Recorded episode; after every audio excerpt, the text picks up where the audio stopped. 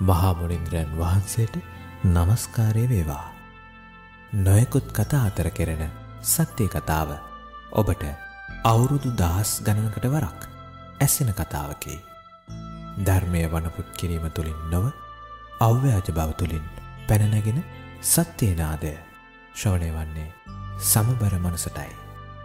අසමබර මනස ඔබව විඩාවට පත් කරන නමුදු සමතුළත මනස ඔබව අවසානය කරාගෙනයයි. අදත් අපි සුදානම් වන්නේ ජීවිතයේ අතාර්ථය ජීවිතයේ පරමාර්ථය සොයන ගමනේ එක්තරා පරිච්ඡේදයක් දිගහරින්නයි. හැමදාම හැමෝම මේ සංසාරය තුළ නොයකුද්දේ කතා කොන්නෝ. ප්‍රේම කතා සුන්දර කතා අසුන්දර කතා ඕපදූප කතා නොයකුද්දේ. ඒ අතර ඉතාම කලාතුරකින් මිනිස්සු සත්‍ය කතා කරන්න පටන් ගන්නවා. මුලින්ම මිනිස්සුන්ට සත්‍යය ඇහෙන්න පටන් ගන්නවා. සත්‍යය ඇහිච්ච බව දැනගන්නේ. ඒ සත්‍යයේ කාහලනාදය මනුස්ස ලෝකය තුළ ජීවමාන වන විට ඒ සත්‍යයට ප්‍රාණය ලැබෙන විට මුළුමහත් සහස්සී ලෝකධාතුවත් ද්වී සහස්සී ලෝකධාතුවත් ත්‍රී සහස්සී මහා සහස්සී ලෝකධාතුවත් කම්පනය වෙන්න පටන්ගන්නවා. එතුට අපි තේරුම් ගන්න ඕන සත්‍යය මලවුන්ගෙන් නැගිට්ට බව. සත්‍යය මරණයෙන් උත්තාන වූ බව. ඒ උත්තහනවීම තේරෙන්නේ ඒ අවදිවීම තේරෙන්නේ ඒ සත්‍යයට සිතපුරුදු කරපු මිනිසුන්ට පමණයි. වෙන කිසි කෙනෙකුට ඒ උත්තහානය තේරෙන්නේ නැහැ. සත්‍ය ලෝකෙට පහළ වෙනකොට එක මහා අග්නි වර්ෂාවක් යුද සංග්‍රාමයක් කෙටියෙන් කිව්වොත් ලේ ගංගාවක්. ඒ සියලු රුහිරු ගංගා මැදින් පරමසත්‍යය මනුෂ්‍යලෝකය තුළ නැවතවාරයක් ජියෝමාන වෙනවා. ඒ ජියෝමාන වෙලා කලක් යනකොට ඒ පහළ වෙච්ච ජීවය ලැබිච්ච සත්‍යය මිනිස්සු සාකච්ඡා කරන්න පටන් ගන්නවා. දැන් අපි ඉන්නේ දෙවෙනි පියවරේ. සත්‍යය ජියෝමාන වෙලා ඉවරයි. සත්‍යයට පණලැබිලා ඉවරයි. සත්‍යය උත්තහනවී අවසන්. දැන් ඔබ යුතුකම උත්තහන වනේ සත්‍යයදැයි පරීක්ෂා කිරීම එක ඔබේ කාර්යක්. අපි පරීක්ෂා කරන්න ඕන. අපි සාකච්ඡා කරන්න ඕන. විමසා බලන්න ඕන. හැබැයි සත්‍යය පහළ වෙන්නේ සුන්දර විදියට නෙමේ කවදාකාත්. සිද්ධාර්ථ ගෞතමයන් වහන්සේ සම්බුද්ධත්වයට පත්වනේ දසමාරසේනා මැදින් මිසක් දිව්‍යාංගනාව මැදින් නෙවෙයි. එක ලෝකේ පොදු සම්මුතියක්. එක ලෝකේ පොදු ධර්මතාවයක්. දැන් සත්‍ය පහළ වෙලා අවසන්. මාර්ගය පහළ වෙලා අවසාන. නිර්වාණධාතුව ජියවමාන වෙලා අවසාන. ඒ නිර්වාණ ධාතුව ගැන කරන දේශනාව පළවෙනි පරම්පරාවේ ශ්‍රාවකයෙක් ලෙස ඔබට අසන්න භාග්‍ය ස්වබාදහම උදා කල්ල දීලා තියෙනවා. කීවනි පරම්පරා විශ්‍රාවකයෙක් ලෙසද පළවෙනි පරම්පරා විශ්‍රාවකයෙක් ලෙස. ඒ බුද්ධ වච්චනය රිජුවශ්‍රවණය කළා. ඒ බුද්ධ වච්චනය රිජුවශ්‍රවණය කළා. එය බුද්ධ වච්චනය. එක බුද්ධ වච්චනය කියල අපි දැනගන්නේ ඒ ඇහුව හම සියලු කාමදාහයන් නිවී සිත ශාන්තභාවයට පත්වී සැනසිලිස්සුවයට පත්වී අවබෝධයට පත්වී සසර දුක නිවෙන්න ඕන. ඒ අයි බුද්ධ වචනය. එච්චරයි. එය අයි පණිවිඩය. මනුස්සලෝක මිනිස්සු සොයපු අමුෘතයේ නිධානය. අමුෘතයේ නිධානය. ලෝකේ පවතින්නා වූ ශ්‍රේෂ්ඨතම වූ වස්තුව. ඒ අමිලයි. ඒ වස්තුවට මිල දෙෙන්ඩ පුළුවන් කිසිවෙක් මේ මනුෂ්‍ය ලෝකයේ ජියෝමානවන්න නැහැ. ලෝකේ කාලෙකට සැරයක් ඒ සත්තිී පණිවිඩේ අරගෙන උතුමෙක් මනුලෝ ජියෝමාන වෙනවා. දැන් ඒ සිද්ධිය වෙලා ඉවරයි. දැන් සකස් කර ගතයුතු වන්නේ තමුන්ගේ විමුක්ති මාර්ගය පරිපූර්ණ කිරීම. විමුක්ති මාර්ගයක් පරිපූර්ණ කරන එක ලේසි වැඩක් නෙවෙයි. එක හරි අමාරුයි. එගොඩ කායාසයෙන් කරන්න ඕන වැඩක්. මිනිස්සු ජීවිතය යම් යම් දේවල් තියෙනොත් දෙවරක් කන්න. දැන් අපි දවස්සට දෙපාරක් කෑම කනෝ. අපි දවසට දෙතුම් පාරක් නානවා. දවසට අපි ඇඳුම් කීපයක් මාරු කරනවා. අපි දවසට එක පාරක් නිදාගන්නවා. අපි අවුරුද්ධකට එක පාරක් අවුරුද්ධ සමරනවා. හැබැයි සංසාරයට එක පාරක් නිවන් දකිනවා. මඟහන්නේ මේ හැම අපි කරන දෙකීම වඩාත් සැලකීමෙන් හා වඩාත් සොයා බැලීමෙන් කළ යුතුදේ කුමක්ද කියයා. එක පාරක් කරන්නද. සංසාර එක පාරක් නිවන් දකිනවා. එතවට අපි අවුරුද්ධ සමරණවට වඩා කෑම ගැන හොයනවට වඩා නානවට වඩා නිදාගන්නවට වඩා සියලු පරිබාහිර ක්‍රියාවලීන් දෙවැනි තනතුර හිතබා. සංසාරය එකම එක පාරක් කරන දේ වෙනුවෙන් ආත්මය කැප කළ යුතුයි. කවුරරි කෙනෙක්ගේ ආත්මය කැප කොළොත් ඒ කැප කරන පුද්ගලයා පූර්ණත්වයට පත්වෙනවා. ඔබට ගමන අවසන් කිරීමට යායුතු වන්නේ සමතුලිත ගමනක්. සමතුලිත ගමනක අවසානය පවතිනෝ ඉතාම ළඟින්. අසමතුලිත ගමනක අවසානයක් පේනවානයක නැහැ. දැන්ගටලුවක් පවතිනවා කුමක්ද සමතුලිත ගමන කුමක්ද අසමතුලිත ගමන. ආර්ය මාර්ගය වඩන කෙනෙක් සමතුලිත ගමන පුරුදු කළොත් එයාගේ සසර කෙටි වෙනවා. අසමතුලිත ගමන පුරුදු කොළොත් ඒ සසර පැසවමින් පවතිනවා. මොකක්ද වෙන කාර්යාවලි දෙක සමතුලිත ගමන තුළිත ගමන තුළ සසර නවතිනෝ. අතුලිත ගමන තුළ පැසවමින් පවතින. ද මට පේනො මේ බොහෝදනගේ සංසාර පැසවමින් පවතින බව. එකට හේතුව තමා ඒගොල්ලො නිර්වාණය නාමයෙන් අර එක පාරක් කරන්න ඕන කාර්ය සමාරතැන් අසම බරවිදියට කරගෙන යන. එච්චයි. හැමෝම මේ උදේ දේශනාව අහන්ඩ පොරකාගෙන පෝලිං වල ඉඳලා හරි අමාරුවෙන් ඇවිල මෙතන ඉඳගන්නවා. මං ඔබෙන් ප්‍රශ්නයක් අහනවා. මන්දැන් කරුණු දෙකක් කිව්වා. සමතුලිත ගමන හා අසමතුලිත ගමන. ඒ දෙකෙන් මේ වාඩිවෙල ඉන්න අයිති වෙන්නේ මොන ගමනට දැයි කියා මවබය විමසන්න. මොකරද.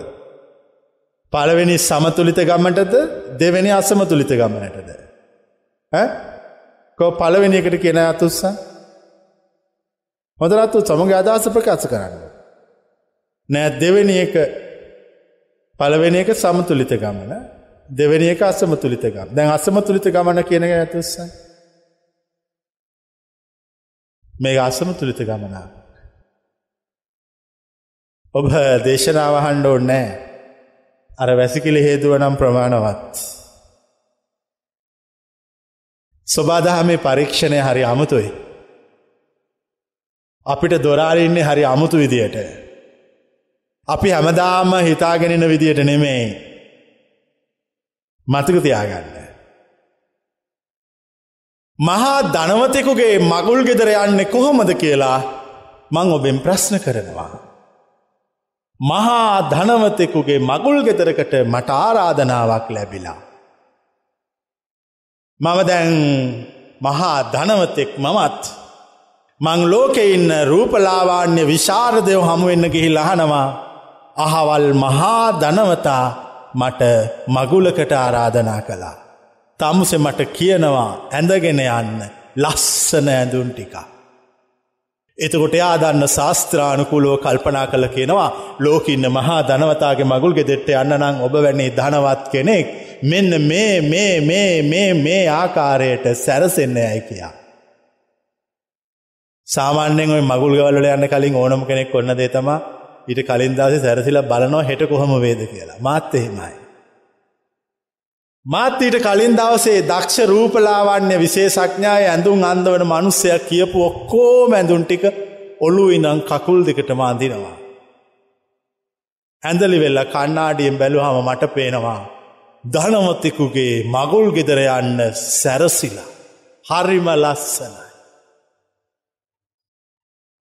ඒත් මට මතක් වෙනවා මෙහෙම මාත් මහා ධනවතෙක්. ඔහුත් මහා ධනවතෙක්. කවරනම් බොරුවක්ද මාලයක්දාගෙන යන්නේ මම මම මාලෙ ගලවලා පැත්තකින් තියලා කන්නාඩිය දිහා බලංගන්නවා. ඊට පස මට ආයවතක් වෙනවා මම ධනවතෙක් ඔහු දනවතෙක් කවර නම් කාරණාවක් නිසා මේ මුදු ගොඩක් දාගෙන ඉන්නද මෙස්සිියල්ල ගලවා තියෙන. ඔහු ධනවතෙක් මා ධනවතෙක් මකසා මම සපත්තු දමන්නද මම සපත්තු ගලවනවා. ඔහු ධනවතෙක් මා ධනවතෙක් මෙච්චර වටිනා ෂර්ට් කෝට් මොකොටද මෙෝමන් ගලවන. ඔහු ධනවතෙක් මා ධනවතෙක් කලිසමත් ගලවලා සරෝම ඔක්කොම ගලවල දානවා. මම පුංචිරදි කෑල්ලක් ඇඳගෙන ඔහුගේ මගුල් ගෙදරට යනවා. කොබලල මාව තේරණ ඇතුස්සන්න. ඒ මාගේ ගමනයි. මක්නිසාද අපි දෙදෙන අතර පවතින්න වූ නොබින්දිය හැකි මිත්‍රත්වයයි. නොබින්දිය හැකි මිත්‍රත්වයේ නාමයෙන් ඉතාම අඩ්ඩුමිලට ගත් වස්ත්‍රයකින් සැරසි මා මහා ධනකුවේරෙකුගේ මගුල් ගෙදරක යමි. එයයි මා දන්න විලාසිතාව. එය අයි සම්බුදුවරයන් වහන්සේලා ලෝකයට පෙන්වා වදහාරණ සාමාන්‍ය ලෞකික සිතක් තියෙන මනුස්සේකුට දරාගත නොහැකි වූද. එහෙත් ලෝකෝත්තර ආර්ය චින්තනයක් තියෙන මනුස්සෙක් ඉතාම සාර්ථකව දරාගෙන සියලු සසරදුක් නිවා අවසන් කරන්න වූ ධර්මය. ධනවතෙක්කුගේ මගුල් ගෙදරයාම. ඔහු නිර්වතින්ගියත් ප්‍රශ්නයක් නැහැ. ඔහු කුඩා රෙදිකෑල්ලකින් හිනවසාගෙන ගියත් ඔහුට කවුරත් මුකුත් කියන්න ඔහු හැමම දන්නවා ඔහු මහ ධනවතෙක්. ඔහුට මාලමුදු කරාබුමේ කිසි දේක අවශ්‍යතාවයක් නැහැ. නිර්ධනයන්ට ධනය නැති මිනිස්සු ගොඩාක් වෙලා සැරසෙන්න ඕන. තමුන්ගේ ධනවත් බව පෙන්නන්න ඕන. ඒත් මහා ධනවතෙකුට පෙන්ඩන්න දෙයක් නැහැ. ඔහු ධනවත් වෙලා ඉවරයි. එනිසා ඔහු නිරුවතින් ජීවත් වෙනවා. ඒ ඔහුගේ ධනකුවේර භාවයයි. ඒක තමයි ධනකුවේර භාවය. මතකතියාගන්න. මේ දේශනාව අසමතුලිත ගමනෙහි එක් නවා තැනක්. මම කියන්න මේ දේශනාවහන්ඩ කෙල විතරක් නෙමේ එක වැරදිී ඇත්තට මේ ගොංහුන්ට කොච්චර කිව්වත් එක තේරෙන්නේ. මේ ගොන් රැල කල්පනා කොන්නවා මේ කහගත්තම ඔක්කොම හරි කියලා. එහෙම බැහැ. එහෙම බැහැ. පරීක්ෂණය අමුතුයි. පරීක්ෂා කරන්නේ වෙනස් විදියට. පරීක්ෂා කරන්නේ ධර්මඥානය නොමෙයි අව්‍යාජ භාවය. කුමක්ද පරීක්ෂාව. ධර්මඥානය කවුරුවත් පරීක්ෂා කරන්න එක තේරුමක් නෑ අව්‍යාජ භාවය පරීක්ෂා කරන. විනිශ්චය කරන්නේ ධර්මඥානය නෙවෙයි විනිශ්චය කරන්නේ අව්‍යාජ භාවය. යමිස්ත්‍රයක් අව්‍යාජව ජීවත් වෙනවා. ඒ ස්ත්‍රියට මේ දම් සභාවට එන්න අවසර නැහැ. ඒ ස්ත්‍රිය මෙසේ කල්පනා කොන්න. මම අව්‍යාජයි. මගේ හිත පිරිසිතුයි. ඒත් උන්වහන්සේ ඉන්න සීමාවට යන්න මට අවසර නැහැ. ඒ ස්ත්‍රිය එසේ සිතන විට මා ස්ත්‍රිය ළඟ සිටිනවා. කොබලන මං කෙනව තේරෙන අය. මං ස්ත්‍රිය පරීක්ෂා කරනවා. දම්සභා මණ්ඩපේ අර මගුල් ගෙදර යන්න ලෑස්තිවෙච්ච මෝඩයා ගෙනැල්ල මේ පුටුඩ වාඩි කොරවනු. අර අව්‍යාජ ස්ත්‍රිය ළඟ මා ජියෝමාන වෙනවා. මං ස්ත්‍රියට කතා කොන්නවා. මං ස්ත්‍රිට කියනවා මේ තනකොලොකුල් ලන්න කියලා. මේ වැසිකිලිය හෝදන්න කියලා. මේ මේ කටයුතු කොරන්න කියලා. ඒ ස්ත්‍රියට මේ සද්ධර්මය ස්වරය ඇහෙන්නේ නැහැ.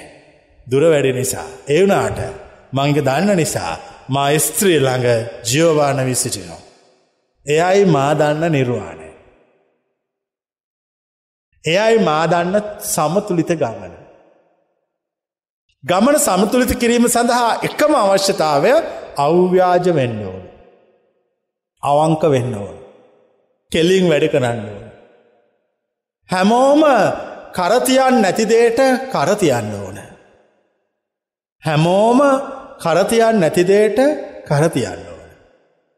අසංග භාවනා කලා මෛත්‍රිය දකිින්ට මෛත්‍රිය බුදුන් දකිින්ට. ඒ සම්ප්‍රදාය අසංගට උගන්නපු එක ඒ වනාට මෛත්‍රිය හිටියේ කුණුවෙච්ච බැල්ලයක් ළඟ. එයයි පරීක්ෂණය හා විනිශ්චය. එච්චරයි. එක තමයි ධර්මය. නමුත් බොහෝ දෙනෙක් දැන් අත බැල්වා මත මේ ලොප් හරි ලස්සන්ට ඇඳුම් ඇඳගෙන කොන්්ඩ පීරල කටු ගහලා මෙම ගොල්ලාත් මේ සැරප්පු සපත්තු දාගෙන උදේ පාන්දරැවිල බෝම ලස්සනට මෙතන වාඩිවෙලින්නවා මේකෙක්කත් විනිශ්චයට ගන්නේ කියා මානුමත කරන්නේ. ඒ කවුරුවත් අපි විනිශ්චි කරන්න නැහැ. අපි දන්නවා එක මුලාවක් බව. අපි විනිශ්චි කරනවා මේ දේශනාව නෑහෙන තැනක අව්‍යාජව සිටින ස්ත්‍රියක්. මේ දේශනාව නෑහෙන තැනක ශ්‍රද්ධාවෙන් සිටින ස්ත්‍රියක්. එච්චරයි අපි දන්න ධර්මය. ඒක හැමදාම සදාකාලයටම පවතින සම්ප්‍රදායට පටහැනි. පවතින සම්ප්‍රදායට පටහැනි. මේ ධර්මය දේශනා කරන්න පටන් අරගෙන දැන් අවුරුදු හතරකට වැඩි. ඒ අවුරුදු හතර ඇතුළත කාලය තුළ සමාජ සම්මුතියේ පැවතිච්ච සියලු සම්ප්‍රදායන් නිර්දය ලෙස විවේචනය කළා.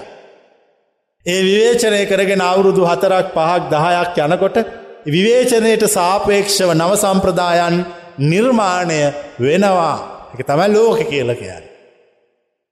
මම ඊට පස්ස කරන්නේ මොකක්ද. මාගේ දේශනාවල් අහලා නිර්මාණය කරගත්ත ඒ සම්ප්‍රදායන් නැවත මාවිසිං විවේචනය කරනවා. මාං ඒක කල්ල කෙනවා ඕක කලාට මේක කරන්න බැහැ. ඕක කලාට මේක කරන්න බැහැ. මිනිස්සු හැමදාම ලෝකෙ ආගම කියන හොයන්නේ සම්ප්‍රදායක්. මිනිස්සු වන්දනා කරන්න කැමති සත්‍යයට නෙවෙයි අවුරුදු දහස්ක නම් පැරණි ගස්සොලට කොබලන හරි කෙන අතුස. මිනිස්සු වන්දනා කරන්න කැමති ජීවමාන බුදුවරුන්ට නෙමෙයි පිරිනිවිච්ච බුදුවරුන්ගේ ධාතුවලට. කොබලන්න හරි කියනයි. මිනිස්සු වන්දනා කරන්න කැමති තමුන්ගේ හිතනිවෙන නිවනට පත්වන දහමකට නෙමෙයි සම්ප්‍රදාය බෞතර පිරිසක් වන්දනා කරන බොරුවකට. කොබලන්න හරි කියනයි. මම කියනවා එස්්‍යල්ල මිත්‍යා විශ්වාස බව. මම කියනවයි කිසිවකින් ඒ බලාපොරොත්තු වන අවබෝධය පූර්ණත්වය නිදහස සැනසිල්ලට පත්වය නොහැකි බව. නොහැකි බව. ගමන අසමතුලිත කරගන්නේ ඔබයි. සමතුලිත ගමනක් නිර්වාණය ප්‍රත්‍යක්ෂය සඳහා අවශ්‍යයි. සමතුලිත ගමනක් යන්න හරි ලේසි ඇත්තරම සමතුලිතතාවයක ගමනක් නැහැ. ගමනක් ඇත්නම් අසමතුලිතයි. සමතුලිත ගමනක් යන්න ඕන. සමතුලිත ගමනක් යන්න පුළුවන් කෙනාට අනාගතයක් නැහැ. ඔබල නැව තේරෙනයි. මක්නිසාද ගමන සමතුලිත වෙනකොට සිත ඉදිරියට වේගෙන් ඉස්සරහට යන්න ඇසිත මේ පැත්තට ගියොත් ආය ප්‍රතිචින්තනයක් හැදිලා ආය සිත සූන්‍ය වෙනවා. මේ පැත්තට අනාගතයක් හදහද හදහදා අවුරුදු ගනම් දහය පහලෝ විශ්සතිය වෙන්න මොකක්ද වෙන්න මොකක්ද වයසට ගිහාම වෙන්න මොකක්ද කෞුදුමට උදව් කරන්න ඒම හිතන්නේ. කවුරු උදව් කලත් නොකොළත් මම දැන් සතුටින් ඉන්නවා කියලායි මේ පැත්තර හිතනවා. එතුර හැමදා මෙයාට ශූන්‍ය චින්තනයක් පවතින්නේ. එකැන එයාය මොහොතර ජීවත්ව නෝ විතරයි. ඒ මොහොත පමණයි. ඒ මොහොත අනාගතයට සාපේක්ෂ කරන්නෙත් නෑ අතීතර සාපේක්ෂ කරන්නෙත් නෑ. වර්තමානය තුළ ජීවත් වෙනවා හැබැයි සමතුලිත ගමනක් තුළ ගමන් කරන කෙනා. දැම් ප්‍රශ්නයක් තියෙන කෝමද සමතුලිත ගමන හදාගන්නේ. සමතුලිත ගමන මට ඔබට උගන්නන්න බැහැ. ඔබේ ආධ්‍යාත්මය තුළින් ජනිත වේදතුයි. සමතුලිත ගමන මංකාටර උගන්නන්න ගියොත් මං විඩාවට පත්වෙනවා. ඒවගේම සමතුලිත ගමන මට කාටවත් උගණ්ඩන්න අවසර නැහැ. මට සමතුලිත ගමන මගේ උගන්නන්න පුළුවන්. මට මගේ සමතුලිත ගමන උගන්න ගන්න පුළුවන්. ඒත් මට ඔබගේ සමතුලිත ගමන උගන්නන්න නැහැ. ඔබගේ හිතත් එක්ක ගණ දෙනු කරන්න ඕන හැමතිස්සෙම. හිතත් එක්ක සාකච්ඡා කරන්න ඕන. කරන කියන දේවල් පිළිබඳ විමසිල්ලෙන් ඉන්න ඕන. හැමෝම කැමති මේ දේශනාවට ලස්සනට සවන්දීගෙන ඉන්න. ඒගොල්ලො දැන් ඒවා සම්ප්‍රදායක් කරගෙන. ඒගොල්ලො දැන් ඒවා චාරිත්‍ර කරගෙන. ඒකැන් ඒගොල්ලො දැන් නිවනේ අයින් වෙන්න පටන් අරග. මන් දවසක මෙහෙම කරනවා. මේ දේශනාව පවත්වන්න මේ කෝටි ගානක් වටිනා මේ මිනි පළඟ මතින් පූසෙක්ක නැත්තියෙනවා. මං ඔබෙන් ප්‍රශ්නයක් අහනවා. මං මේ පුටුවෙන් බැහැලා මේ පුට උඩ පූසෙත් තිබ්බාම ඇත්තටම පූසා ඔබට කුමක් කියනවද කියලා. ඔබට සමතුලිත ගමන කියන. ඉට පස්සේ මං පූ සබිමින් තියලා මං මේක වාඩි වෙලා පණ්ඩිතය වගේ කතා කරන්න පටන්ගන්න.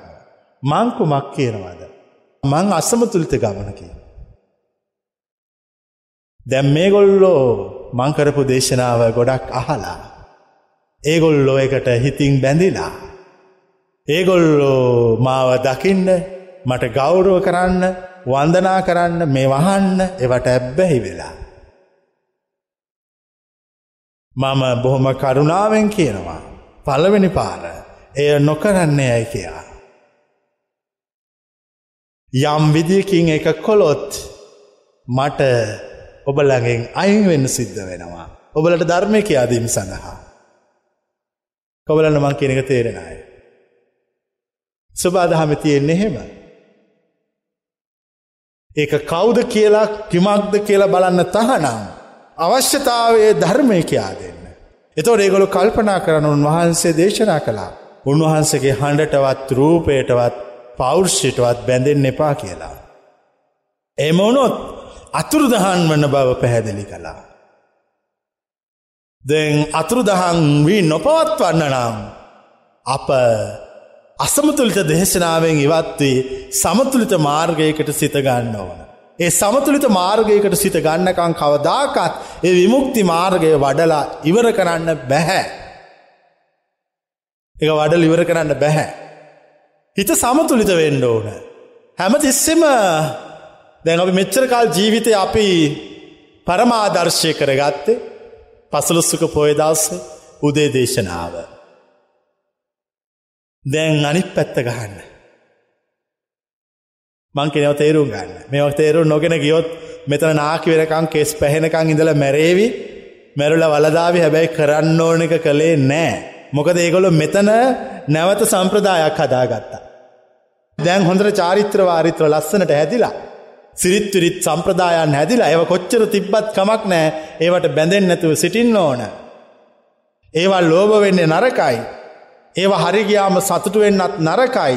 ඒවා එකේ දෙක කැඩිලා වෙනස් වුනාම ඒව නිසා හිත දුකට පත් කරගන්නත් නරකයි.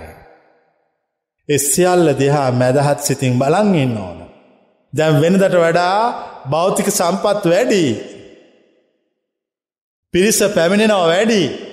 එතකොට ඕනම තැනක මිනිස්සු වැඩි වුණ හම වායුව වනත් මොකක්ද වෙන්නේ දූෂණය වෙනවා. මම කියන්නේ ආධ්‍යාත්මය ජීවිතයේ ශ්‍රේෂ්ඨ ධර්මයටත් ඒක වෙනවා කියලා. ගත්ද මම කිව්වේ. මිනිස්සු වැඩි වුණාම යම් තැනක ඒ පරිසරේ වාතය කාබොන් ඩයික්සයිඩ් වැඩි වෙල දූෂණය වෙනවා. ඒ වගේ මයි මේ සද්ධර්මය ආන්න මිනිස්සු වැඩි වෙනකොට ඒ සද්ධර්මය විකෘති වෙන්න පටන්ගන්නවා. අපි ඉතාම ඥානවන්ත වෙන්න ඕන දූරදර්ශී වෙන්න ඕන සද්ධර්මය විකෘති නොකර ශ්‍රෝණය කරන්න. දැන් ඔබලා කළ යුතු දේ තමයි පනිවිඩේ ඕනුවට වඩා ව්‍යාප්ත කරන්න යන්න එපා. ඇති දැන්. දැන් අපිට ස්වබාදහමෙන් කියනවා නොබ වෙනුවෙන් යමක් කරගත යුතුද ඒක කරලා ඉවර කරපන් කිය. ඒකට අසම්මතුලිත දේශනාවෙන් අයින් වෙලා සමතුලිත මාර්ගය පුරුදු කරන්න සමතුලිත මාර්ගය කියල කියන්නේ ඕනම තැනක හිත නිශ්චලව පැවතීම. මං මේ කවුරවාරේ අම්මණ්ඩි කෙනෙකුට කතා කරල කියන මෙහේනවා. ඔය බණහන්න ඕන නෑ අන්නර කුත්සිට ගිල්ල උයනවා කියලා. මංහන්නේ ස්ත්‍රිය කැමැත්තෙන් යනවද අකමැත්තෙන් යනවාද කියලා. කොබලන්න කැමැත්තෙන් යනයි. අකමැත්තේ යන අය. අපි ආපුදේ අපට කරන්න දුන්නේ නෑනේ. මම කිසිම කෙනෙක් ආපුදේ කරන්න දෙන්නේ. මම ඔක්කෝම ලව්වා මට ඕන දේ කරවන්නේ.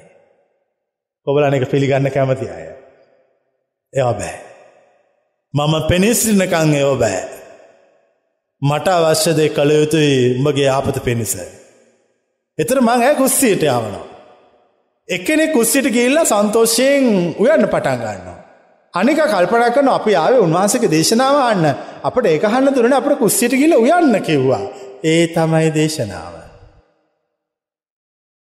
ඒ තමයි පරීක්ෂාව. මා උයන විට මාහු ළඟ සිටිනෝ. ඔහු ළඟින්ම සිටිනෝ. ඔහු විනිශ්චය කරනවා. එච්චරයි. එච්චරයි. මිනිස්සුන්ට එහෙම විශ්වාස කරන්න හිත හයිය නෑ. ඒගොලු හැමතිස්සෙම හිතනවා පොදු සමාජ සම්මතය තියෙන විදියට මේ ටික හගත්තොත් තමයි ගමන තියෙන කියලා. නැහැ කියන ටික කොළොත්. කොතනද ගමන පවතින්නේ. කියන ටික කොළොත්.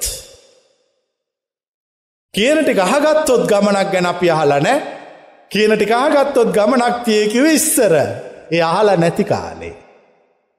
දැන් අහලා ඉවර කාලේ දැන් කියනවා කියන ටික අහගත්තට ගමනක් නැහැ කියන ටික කොළොත් ගමන පවතිනවා එකයා. ඉරිපස්ස යහනවා කුමක්ද කියන ටික.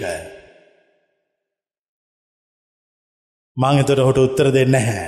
නොඹට පේන ටික තමයි කළ යුතු ටික. ඔහුට පේන ඔහුගේ ඥානයට සාපේක්ෂව. ඔහුට බොහෝදේ නිවැරදිව කරන්න පුළුවන් නම් ඔහු අවබෝධයට සුදුසුයි. රහත්වරයෙක් රහතෙක් මුනිවරයෙක් කියල කියන්නේ සමාජය ජීවත්වන ශ්‍රේෂ්ඨ පූජනීය උතුම් කෙනෙක්. ඔහුගේ චර්යාව ඔහුගේ හැසිරීම ඔහුගේ පෞර්ෂය කතාවිලාශය ඔහු දෙන දඩුවන් හා ඔහු පෙන්නුම් කරන කරුණාව. ඒ සියල්ලම විසිස්ටයි අනන්‍යයි. ඒ සියල්ල දිහා යමෙක් බලන් සිටියොත් ඒ හැම කෙලාටම ඒකෙන් ඉගෙනගන්න යමක් තියෙනවා. මක්නිසාද ඔහු රහතෙක් මුනිවරයෙක් බුදුවරයෙක් නිසා. දැන් ඔබට කරන්න තියෙනවා යම ඒ ටික පුරුදු කරගන්න. නැත්තම් මේවා කොච්ච රැහුවත් මුකුත් වෙන්නේ. මුකුත් වෙන්නේ. ගමන සමතුලිත වෙන්න ඕන අසමතුලිත වෙන්න බැහැ. සමතුලිත ගමන පවතින්නේ පූජාසනය ඉදිරියේ නෙමෙයි වැසිකිලි වලක් තුළ. කොතනද තිය පූජාසනය ඉදිරියේ මෙතනක් නෑ ඒ ගමන ඒ ගමන තියෙන්නේ අර මඩුවේ. දෙහාන්දුරුව වැඩ සිටින්නේ අර මඩුවේ. මේ මහාමාලිගාවෙනෙවේ. කොබලන්න තේරෙන අය ඒකයි මඩුවත් තියෙන්. ඒ මඩුව තමයි වැඩ සිටි. ඒ මඩුව තමයි කැප. ඒ මඩුව තමයි ලබාගත්තේ කුසල් කරල පාරමිපුරල. එච්චර. මිනිස් සිතනවා මේ ලස්සන ධර්මාසනේ මේ මිනි පළඟ වැල්සිටිනවාය කියා මම කියනවා මම මිනි පළඟ නෙමේ අර මඩුවේ ඉන්න කියලා. දැන් මම වෙස් මාරු කරගෙන මඩුවට ගිහිල්ලා ඒ මඩුව තියෙන ස්ටේජ්ජෙකුඩ නැගලා කතා කරන්න පටන් ගන්නවා.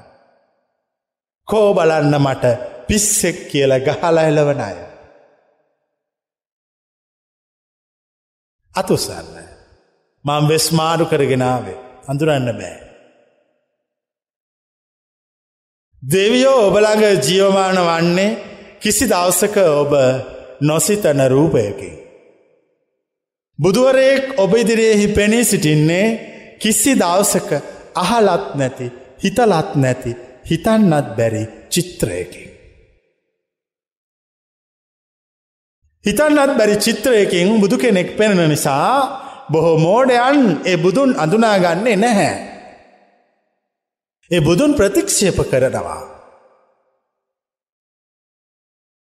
අර කතාවක් තියෙනවා. එක තාත්ත කෙනෙකුට පුතෙක් හිටියා. හොරුවගේයක් ඇවිල මේ පුතා මරල දැම්ම. තාත්තක් වැඩටක ඉල්ල ගෙදරෙනකොට පුතාගේ මරණෙ තිබුණා. පුච්චලදාලා. මේ තාත්ත පුතාට ගොඩක් ආදරේ නිසා ඒ මරණෙ පුච්චල අලු ටික බෝතලේක දාගෙන ඇඳ ළඟතියාගෙන හැම දාම නිදාගත්තා. අවුරුදු විදාහයක් පහලවක් විස්සක් ගියා. දවසක් ගෙදෙට්ට ඇවිල්ලා එක්කෙනෙක් ටොක් ටොක් ටොක් ගාලා රෑදොරට ගහනවා. අර මහල්ලු තාත් ඇහුවා කවුද?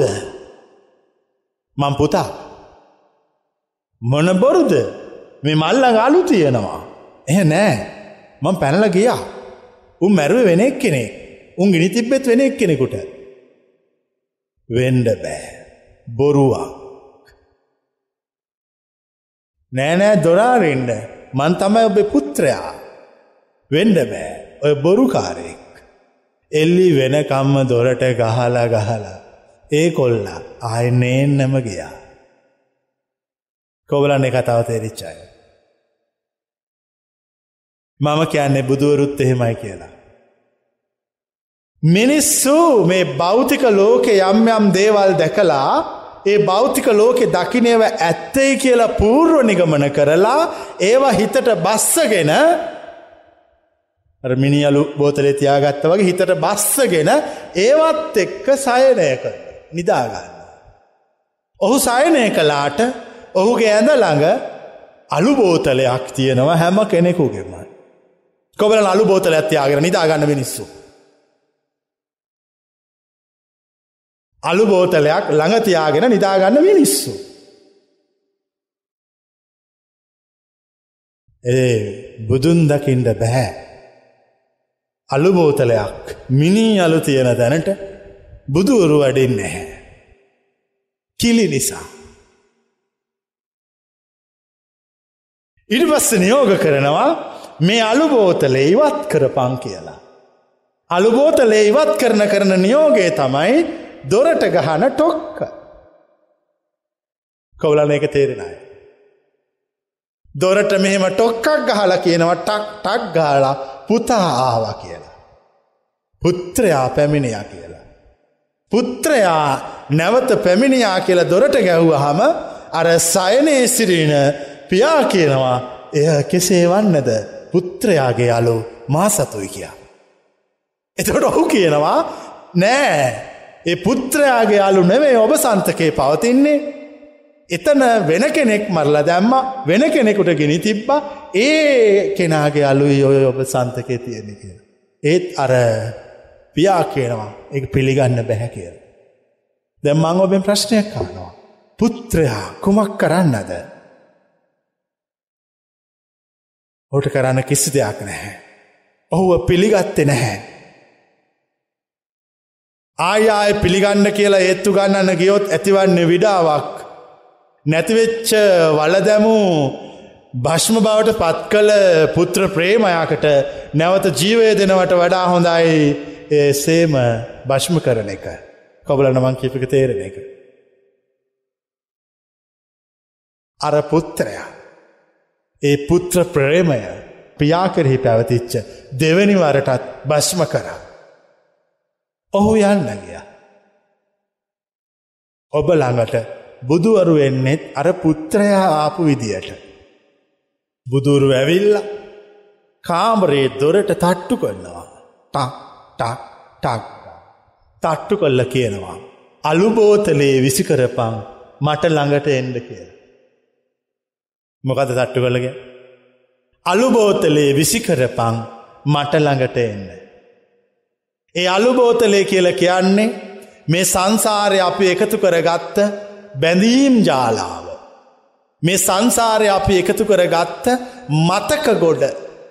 මේ සංසාරය අපි එකතු කරපු ප්‍රේමය මේ සංසාරය අපි එකතු කරපු වෛරය කාමය ඊර්ෂියාව සාපේක්ෂතා බැඳීම් මිත්‍ර සන්තව මාතෘ පුත්‍ර සම්බන්ධ මාතෘ පීතෘ සම්බන්ධ සහෝදර ඥාති මේ සියල්ල අර බෝතලේ දාල වහලතිය.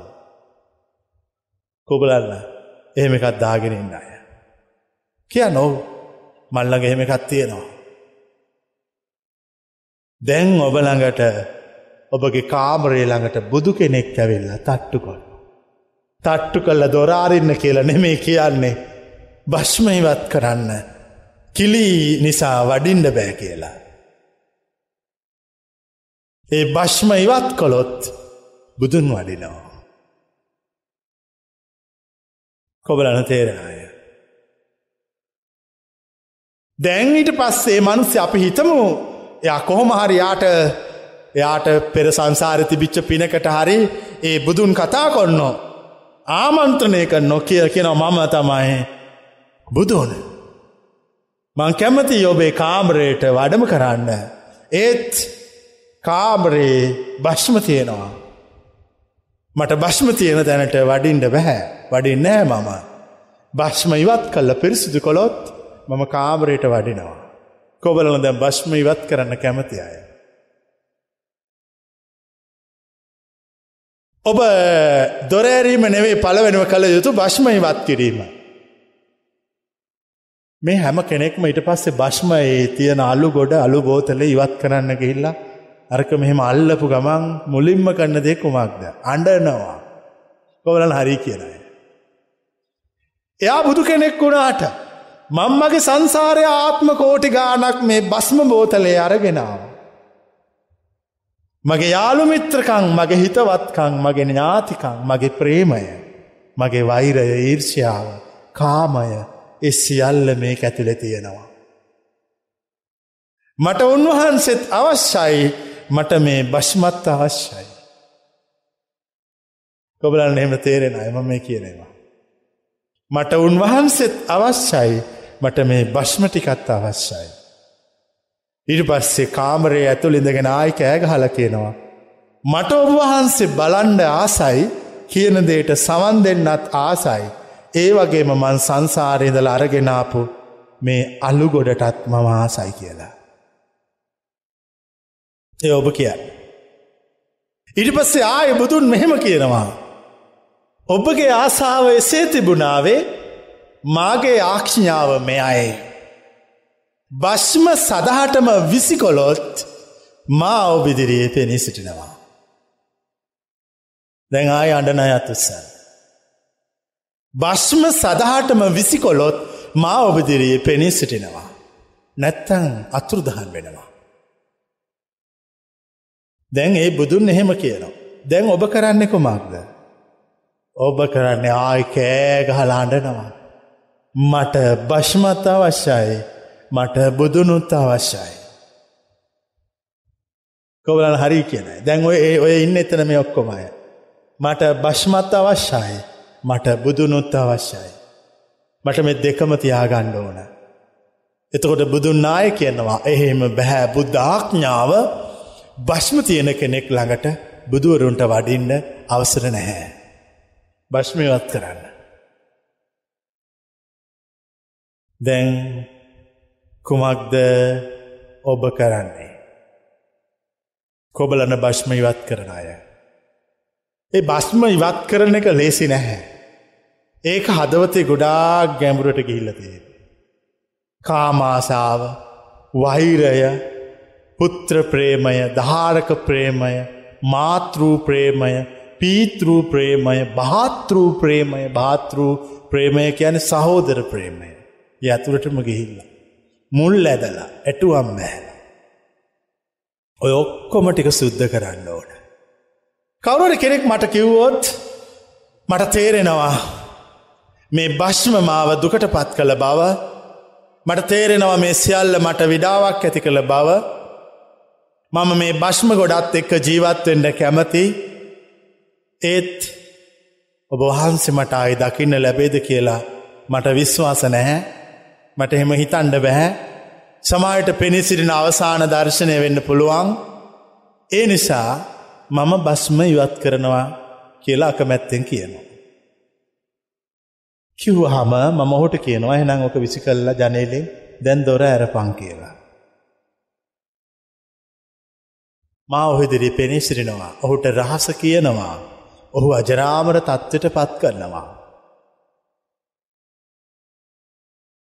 දැන් ඔහු නැවත භශ්ම සොයයිද නැද්ද. ඉවර. යෝගි සංසාරය අවසාන. ඔහු සුන්දර විමුක්තියට පත් වනා. ඔහු අමරණීයත්වයට අජරාමරත්වයට පත් වනා. ඔහු අර තුළිත ගමන තුළ නිශ්චල වුණා. තුළිත ගමන තුළ නිශ්චල වුණා. ඒ ඒක කණ්ඩායමා. තව කණ්ඩායමකට මා කියනවා තට්ටු කල්ලා දොරාරින්ඩ බුදුන් වැඩල ඉන්න කියලා. එතර ඔහු කියනවා ආරින් නගේම් බෑ බස්මිවත් කරන්න බස්මිවත් කරන්න අකමැති බස්මත් කරන අකමැතිනම් වැඩම කරන්න බැහැ කිලි තියෙන නිසා. එතුර කෙනවා ආයාය ආයාය කිව්වාමක නෑ ඉවත් කරන්න බෑ මං කෙනවා දැන් උබේ ගෙට ගිනි තියෙනවා කියලා. මං ගිනි පන්දමක් අතර පත්තු කොල්ල අරගන්නවා. මං කෙනෙක තේරෙන ඇතුස්ස. ඉරිපස කියනවා අම්බගේ ගේස්රහට බුදු කෙනෙක් ඇවිල්ල ඉන්නේ අතින් ගිනි පන්දමක් අරගෙන සිටින කියලා. එතරහනවා බුදුවරයෙක් නම් මොකරද ගිනි පන්දමක් කරගෙනාවත් තොගේ නිවසට අත්තොටත් ගිනිතියන්න. තුර කල්පනා කල්ල බලනෝට දැන් මේ භශ්ම එක්ක ජීවත්තෙන්ට ගියොත් උන්වහන්සේ මගේ ඔළුවට ගිනි තියෙනවා. මගේ හිසට තියෙන වහලටත් මොකක්ද කරන්නේ. උන්වහන්ස ගිනි තියෙනවා. කිව්වොත් කරනවා. දැම් භශ්මයින් කරන්න කැමතේ අතුස්සන්න. ඒගොල්ල තමා දෙවෙනි කණ්ඩායම. ඒගොල්ලො ආඥාව තුළින් දඩුවම තුළින් ඒගොල්ලෝන්ගේ බන්ධන සුනුවිසුණු කරලා ඒගොලු පිරිසිදු කොන්නවා. ගිනි පන්දම පත්තු කළ හා මේක ආලෝකයේ කාමරය ඇතුළෙන් දැකළ බයවෙලා කෑගහල කියනව අනේ මටවත් ගෙටවත් ගිනිතියන්න එපා මන්සීලු භශ්ම ඉවත් කරනවා කියලා. එතකොට ඇර කාමරේ ජනේලය ඇරල භශ්මයින් කරන්නකොට මම ගාල පන්දම නිවන.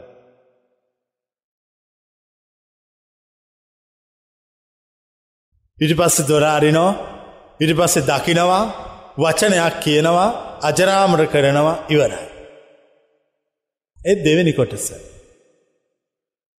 තුන්වැනි කොටසක් ඉන්නවා එම එගොලු කිව්වට එගොල පිළිගන්නෙත් නෑ ගිනි පන්දම පත්තු කරලා ආලෝකය පෙන්නුවාම් පිළිගන්නෙත් නෑ මං කරන්න මොකද ගෙට ගිනි තියනවා. ඔහු සන්තකයහුට අහිමි කොන්නවා. ඔහුට ඒව දරාගෙනන්න බැරි කරවනෝ. සාපේක්ෂ අතුරුදහන් කරවන දේශනාව කොන්නවා. සාපේක්ෂ අතුරදහන් කරන දේශනාව කළොත් ඇහුවොත් ත්‍රවණය කොළොත් ඔහු නැවත ගයක් හදන්න බැහැ ඔහුට. ඔහු හදන හැම එකටම මම රාත්‍රිහි ගිනි දල්වන. එතො ඔහු කියනවා අපේ නිවසට ගිනි තිබ්බා. දැන් ඔහුගේ ඔළුවට ගිනි කෑලි පත්වවී වැටෙනකොට ඔහු තීරණය කොන්න මේ අලු බෝතලය අරගෙන මේ ඇතුරල හිටියොත් මට වෙන්නෙත් මොකක්ද ගින්නට අහු වෙල මැරණ එක. ඉටි පස්සේ ඔහු කෑගහල කියනවා මම ලෑස්තී ඔබහන්සගේ පණිවිඩ අහන්න කරුණා කල්ලා මේ අග්නිය සමනය කරන්න ඉටි පස්සේ මම කෙනවා අග්නිය සමනය කරන්න බෝතලය විසි කරපං.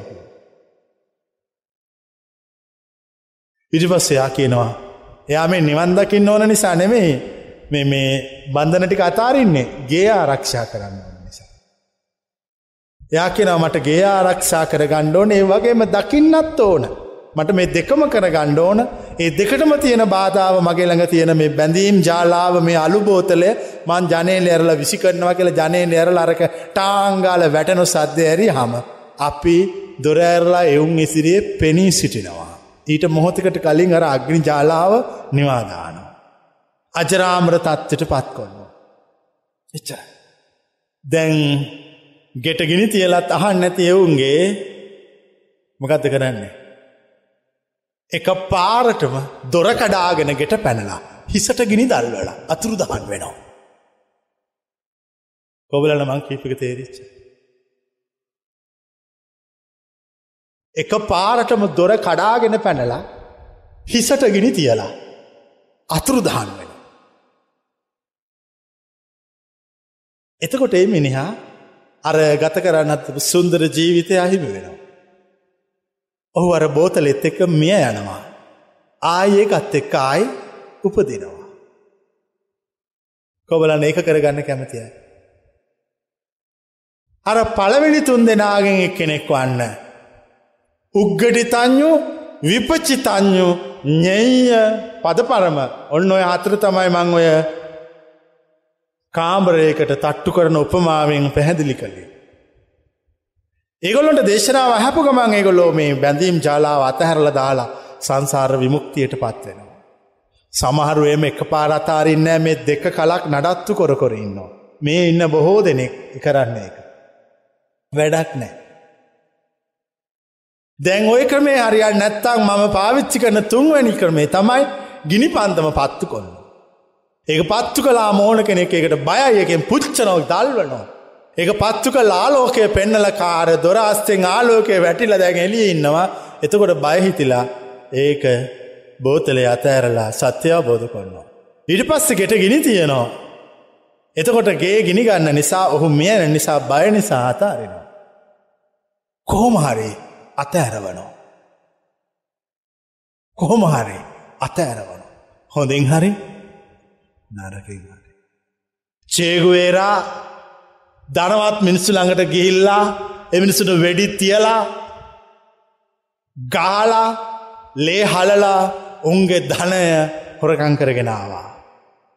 ඇවිල්ලා පාර යන දුප්පත් මිනිස්සුන්ට බෙදවා. චේගුවරට කවුරුවත් බනින්නේ. කෞද මේ සූර සරදියට. සූර සරදිල් චේගුවරනේ සූර සරදිය. සූර සරදිල්ට කවරුවක් බනි නැකවල සූර සරදියට බයිනවල කවුල. මාත් සූර සරදියල් කෙනෙක්. එක පාර්ටම පැනලා විනාස කල්ලා. අලුත් ඒව පෙන්න්න. ප්‍රඥාව තියෙන මිනිස්සු ඒ පෙන්නන අලුත්දේ දැකලා හිත හැමතිස්සම අලුත් කරගෙන ජීවත් වෙනවා. හිත හැම හැමතිස්සම අලුත් කරගෙන ඉන්න මනුෂ්‍යයාගේ ගමන සමතුලිතයි. ගමන සමතුලිතයි. හිත අලුත්වර නැති මිනිහගේ ගමන අසමතුලිතයි. ඔච්චරයි.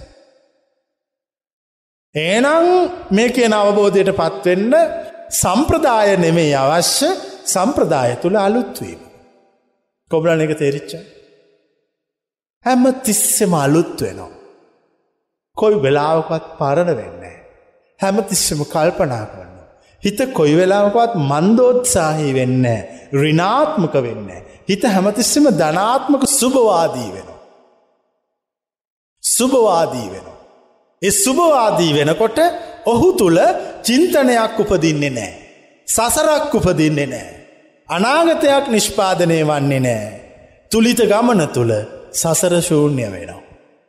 තුළිත ගමන තුළ සසර ශූන්‍ය වෙනවා. මතකතියාගන්න. ඒ තුළිත ගමන යන්න අවසර තියෙන්නේ අච්චල ශ්‍රද්ධාවක් ඇත්තෙකුට පමණමයි. මෙනි කෙනෙකුට එක් කරන්න අමාරුයි බෑ. කොහොමද තුළිත ගමනක් යන්න අච්චල ශ්‍රද්ධාවක් නැතුව. එ කවදාකත් සිදුරවන්න. අච්චල වෙනස් නොවන ශ්‍රද්ධාවක් තියෙන්ඩ ඕන. වෙනස් නොවන භක්තියක් තියෙන්ඩ ඕන. වෙනස් නොවන අච්චල භක්තියක් ඇති කෙනා මුළු දේශනා ඔක්කො මහන්න ඕන්න නැහැ. ඔහු කිසිවක් නාහ සිටියත් ඔහුව විනිශ්චයට භාජනය කරන බව මට විශ්වාසයි. ඔහු කෙරෙහි අචල විශ්වාසයක් භක්තියක් ශ්‍රද්ධාවකින් ඔහු කියන සියල්ල අහන් නැතුව ඒ විශ්වාසය තියාගෙන සිටියොත් ඔහු විනිශ්චයකොට පරිශුද්ධ බවට පත් කරන බවට මට විශ්වාසයි. විච්චරයි. ඒක තමයි වෙන්නේ. ඒ නිසා මෙතන කරන්න ඕන මේ හැම එකටම කං තියාගෙන අහගෙන ඉන්න එක නෙමේ ඔබට අහන්න බැරිවෙච්චික හොයන එකක. මේ හැම කෙනෙකුටම වාඩි වෙලා ඉන්න වෙලා තියෙන්නේ ඒගොල මේ සංසාරය අහපු නැති වචනයක් තියනවා. කොබලන්න එක තේරිච්චයි. තනි වච්චනයයි. මේ අහන්නේ. අවුරුදු කීයක් ඉන්න ඕනද යො කියන්න බෑ. අවචන ගොඩක් අහන්නලා ඉතින් අවුරුද්ධට එක ගා නැහුවට කමන්න මේ එක වචනයක් අහන්න තියෙන අවුරුදු සියක් හිටියත් ප්‍රශ්නය මැරිල ආයාවත් ප්‍රශ්නයක්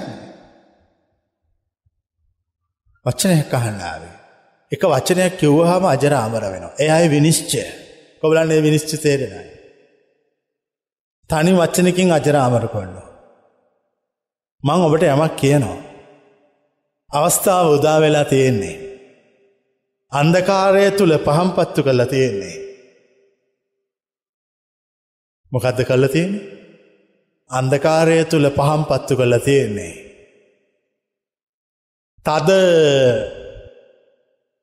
මේ සූරියග්‍රහණයක් වෙලාවක එක පාර්ටම සූරයා උදා වුණා. තද සූරියග්‍රහණයද පවතින්නේ තද අන්දකාරයක්. එක පාර්ටම සූරයා පැහැවා. දැන් ඔබ වෙනුවෙන් කළගත යුතු යමක් වෙත්නම් ඒ සූරයා අතුරුදහන් වෙන්න කලින් එක කරගන්න. ඒ මාර්ගය වඩන්න. ඒක වඩන්න කියල වෙන වෙන වැඩ කර කර හිටියොත් සූරයා යාව. පහන නිවේවි. ඒ පහන නිවනාම එතකොට තමුන්ට අවශ්‍යදය කරගන්න බැරිවුණා කියලා පශ්චත්තාප වේවි මංකිනක පැදිලිද කොබල නතුස්සන්න එච්චරයි. හිතට ගන්න ඕන මං කෝමාරය කියන එක කරන්න ඕනේ විනිශ්චයට පත්වෙන්න ඕන. ඒ නිවන් මඟ වඩන්න පටන් ගන්න ඕන දැන්කාලෙ හරි. උන්වහන්ස කියනවා දේශනාව කරලා අවසල්ලු. ඉතින් අවසන්නන් දේශනාව කරලා ඇයි මගේ හිත නිවිල ඉවර උන් නැත්තෙතාම. මම අසමතුලිතයි. මම උන්වහන්සේ සොයන විදිය වැරදිී. මම උන්වහන්සේව බලන විදිය වැරදි. ද මාව බලන්ඩෝන නිසා මේ හැම කෙනෙක්ම මෙතනින් මේ පැත්තේ මෙතනින් මේ පැත්තේ අන්සක එකසියස්වේ වාඩි වෙලා කවුරුවත් මේ පැත්තේ වාඩි වෙලින්නවාද ඉන්නවද අන්නයාට මාව පේනවා. කොබලන්නවන් කියනව තේරෙනයි. එයාට මාව පේන. මගේ සැබෑ ස්වරූපය දකින්නා මා ඇසින් නොදකින්නාය. මගේ සැබෑ ස්වරූපය දකින්නා මාගේ වචන නොවසන්නාය. ඒත් ඔහු සිතින් හදවතින් මට පෙම්බඳෙන්නාය.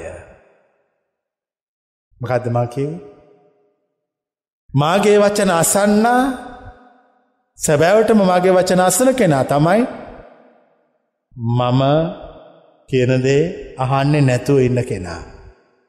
සැබෑවට මාව දකින කෙනා තමයි මම රූපයකින් නොදකින්න වෑයන් කරන කෙනා. සැබෑවටම මාගේ වචන අසන්නා තමයි හදවතින් සිතින් මට ප්‍රේම කරන්න. තුට ඒක අමුතු කතාවක්නේ. ඔවු ඒ අමුතු කතාව මීට කලින් කියල තිබුණෙ මෙහෙමයි.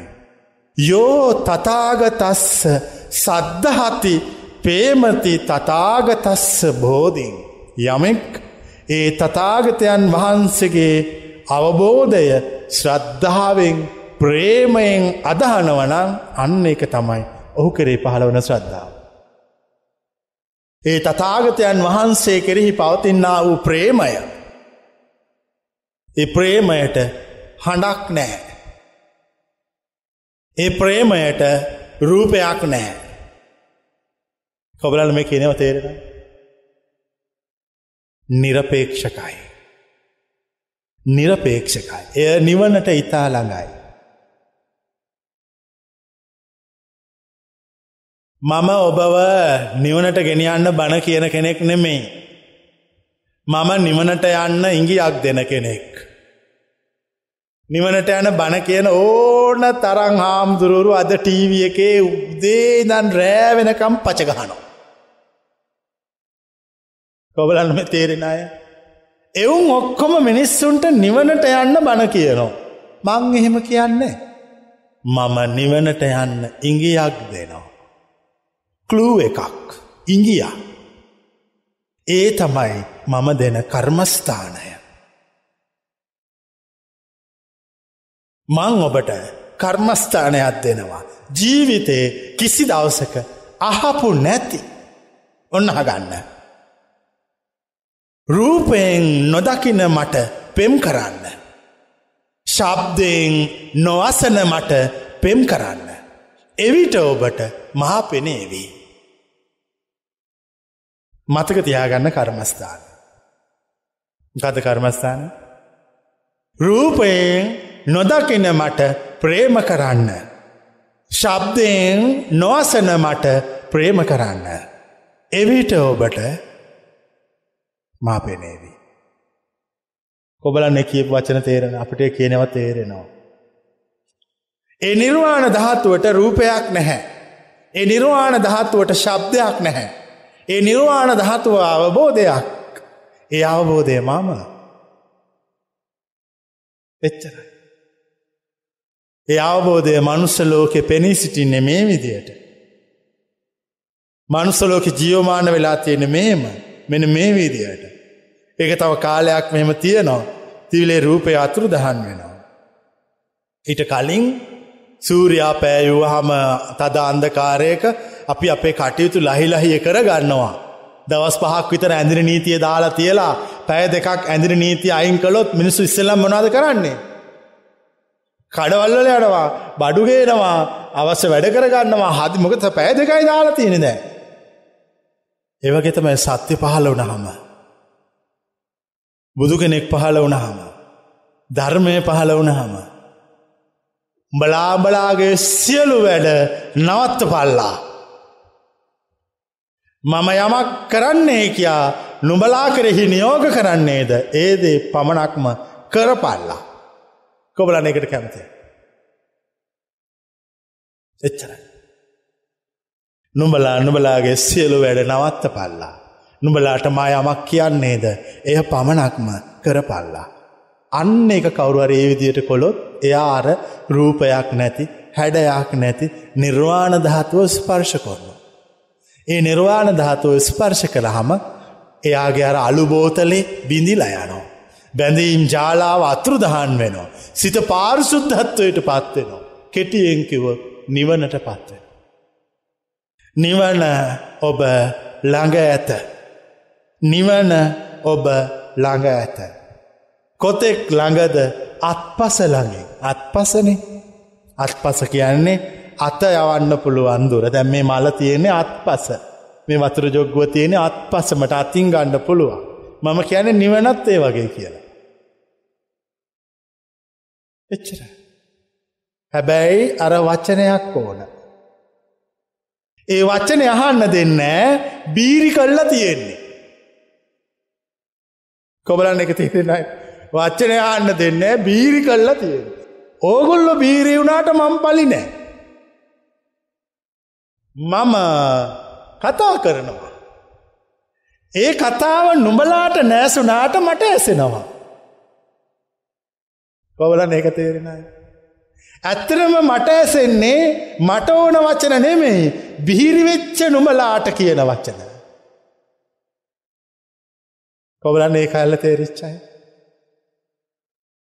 ඉස්සෙල්ලාම කංවල බීරි බව නැති කර ගනිල්ලා.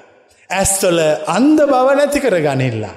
ඊට පස්සේ මා කියන්නා වූ යම් වචනයක් වේද එයට සවන්දීගෙන සිට පල්ලා. එවිට නුඹලා පූර්ණත්වයට පත්වේවි. එයයි මා දෙසන මඟ. ඒක ඉංගියක් කලූ එක. මං බණ කියන්නේ බණ කියන්න මං එන්න නෑ මොකද බණ කියන්න කොච්චර ඉන්නවාද. උන්නාන්සලා හොඳට බණ කියාගත්තිතින් මම මිනිස්සුන්ට පණපිටින් නිවන් දකින්න කර්මස්ථානනිකුත් කරනවා. මොකදද මං කරන්නේ පණපිටින් නිවන් දකින්න කර්මස්ථාන ලබා දෙනවා. මොනවද පණපිටින් නිවන් දකින ලබා දෙන කර්මස්ථාන හිත අදහාගත නොහැකි විශ්වාස කළ නොහැකි කරන්න බැරි භයානක දේවල් කරව් කියලා අන කරනවා. ඒ අන කරහාම ආඥාවට තියෙන බය නිසා පක්ෂපාත භව නිසා බැරි මරගාතෙක් කරනවා. ඒ වුනාට හරි. ඒ වුනාට හරි. ඒ ආඥාව වරදින් නෑ කවදක්කත් එක හරියටම හරි. ඒක වැරදිී කියලා කෑගහන්නේ ආත්ම විශ්වාසය නැති දීනයෝ. ආත්ම විශ්වාසය තියෙන මිනිස්සුන්ට ඒ ආඥාව හරියටම හරි. එක අනක් බුදුවරු බණ නොකියයි අන කරයි. ආඥාවක් නිකුත් කොන්න. ඒ ආඥාව නිකුත් කරන්නේ පණපිටින් නිවන් දකින්න. කෝබල නතුස්සන්ඩ පණපිටින් පුච්චනවට කැමති අය. ඒගොල්ලො විතරයි පණපිටින් නිවන් දකින සුත්සු. පණපිටින් පුච්චනවට කැමති මිනිස්සු ඉන්නවනං ඒගොලු සුසු නිවන් දකින්න. පණපිටින් පුච්චන එක දරාගන්න බැරි මනුස්සෝට මං කියන කහල තේරුමක් නැහැ. ඊට වඩා හොඳ ගෙදෙට් වෙල තේවක් කරගෙන බීගෙන හිටිය අර ටීව එක බනහගෙන. මෙහ එන්න ඕන ජීවිතය ඕන දෙයක් දරාගන්න පුළුවන් මිනිස්සු. දර ගොඩක් කදල ඒකොඩ වාඩි කල්ල ගෙන තිබ්බොත් ඒත් නිහඬව දැල්වෙල් අවසන් වෙන්න ඕන. කුලප්පුුවෙන්ඩ ඕන නෑ. භාරගන්න ඕනේ ගින්න. ඒ ගින්න තුළ ගිලා බසින්න. මිනිස්සුන්ට එච්චර හිත හයිය නෑ. ඒ හිතාය නැති නිසා නොයකුත් විප්‍රකාර සංසාරිපුරා ඔගලන්ටත් තියෙන ප්‍රශ්නයකයි. ගිනිමැලයක් උඩට නැගලා දරගොඩක් උඩට නැගල ඒකට ගිනිතියාගන්න තරම් ආත්ම ශක්තියක් කාටරි තියෙන එයාගේ බීරි බව අවසා. දැම්ම ඔන්න බීරි බව අවසන් කරගන්න විදිකිව. කත කෝම දවසන් කරග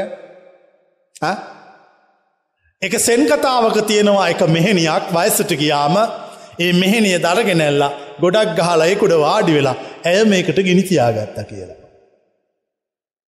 මංආන්නේ ඇය රහත් වෙන්න සුදුසුදු කියලා අනිවාර්යෙන්ම.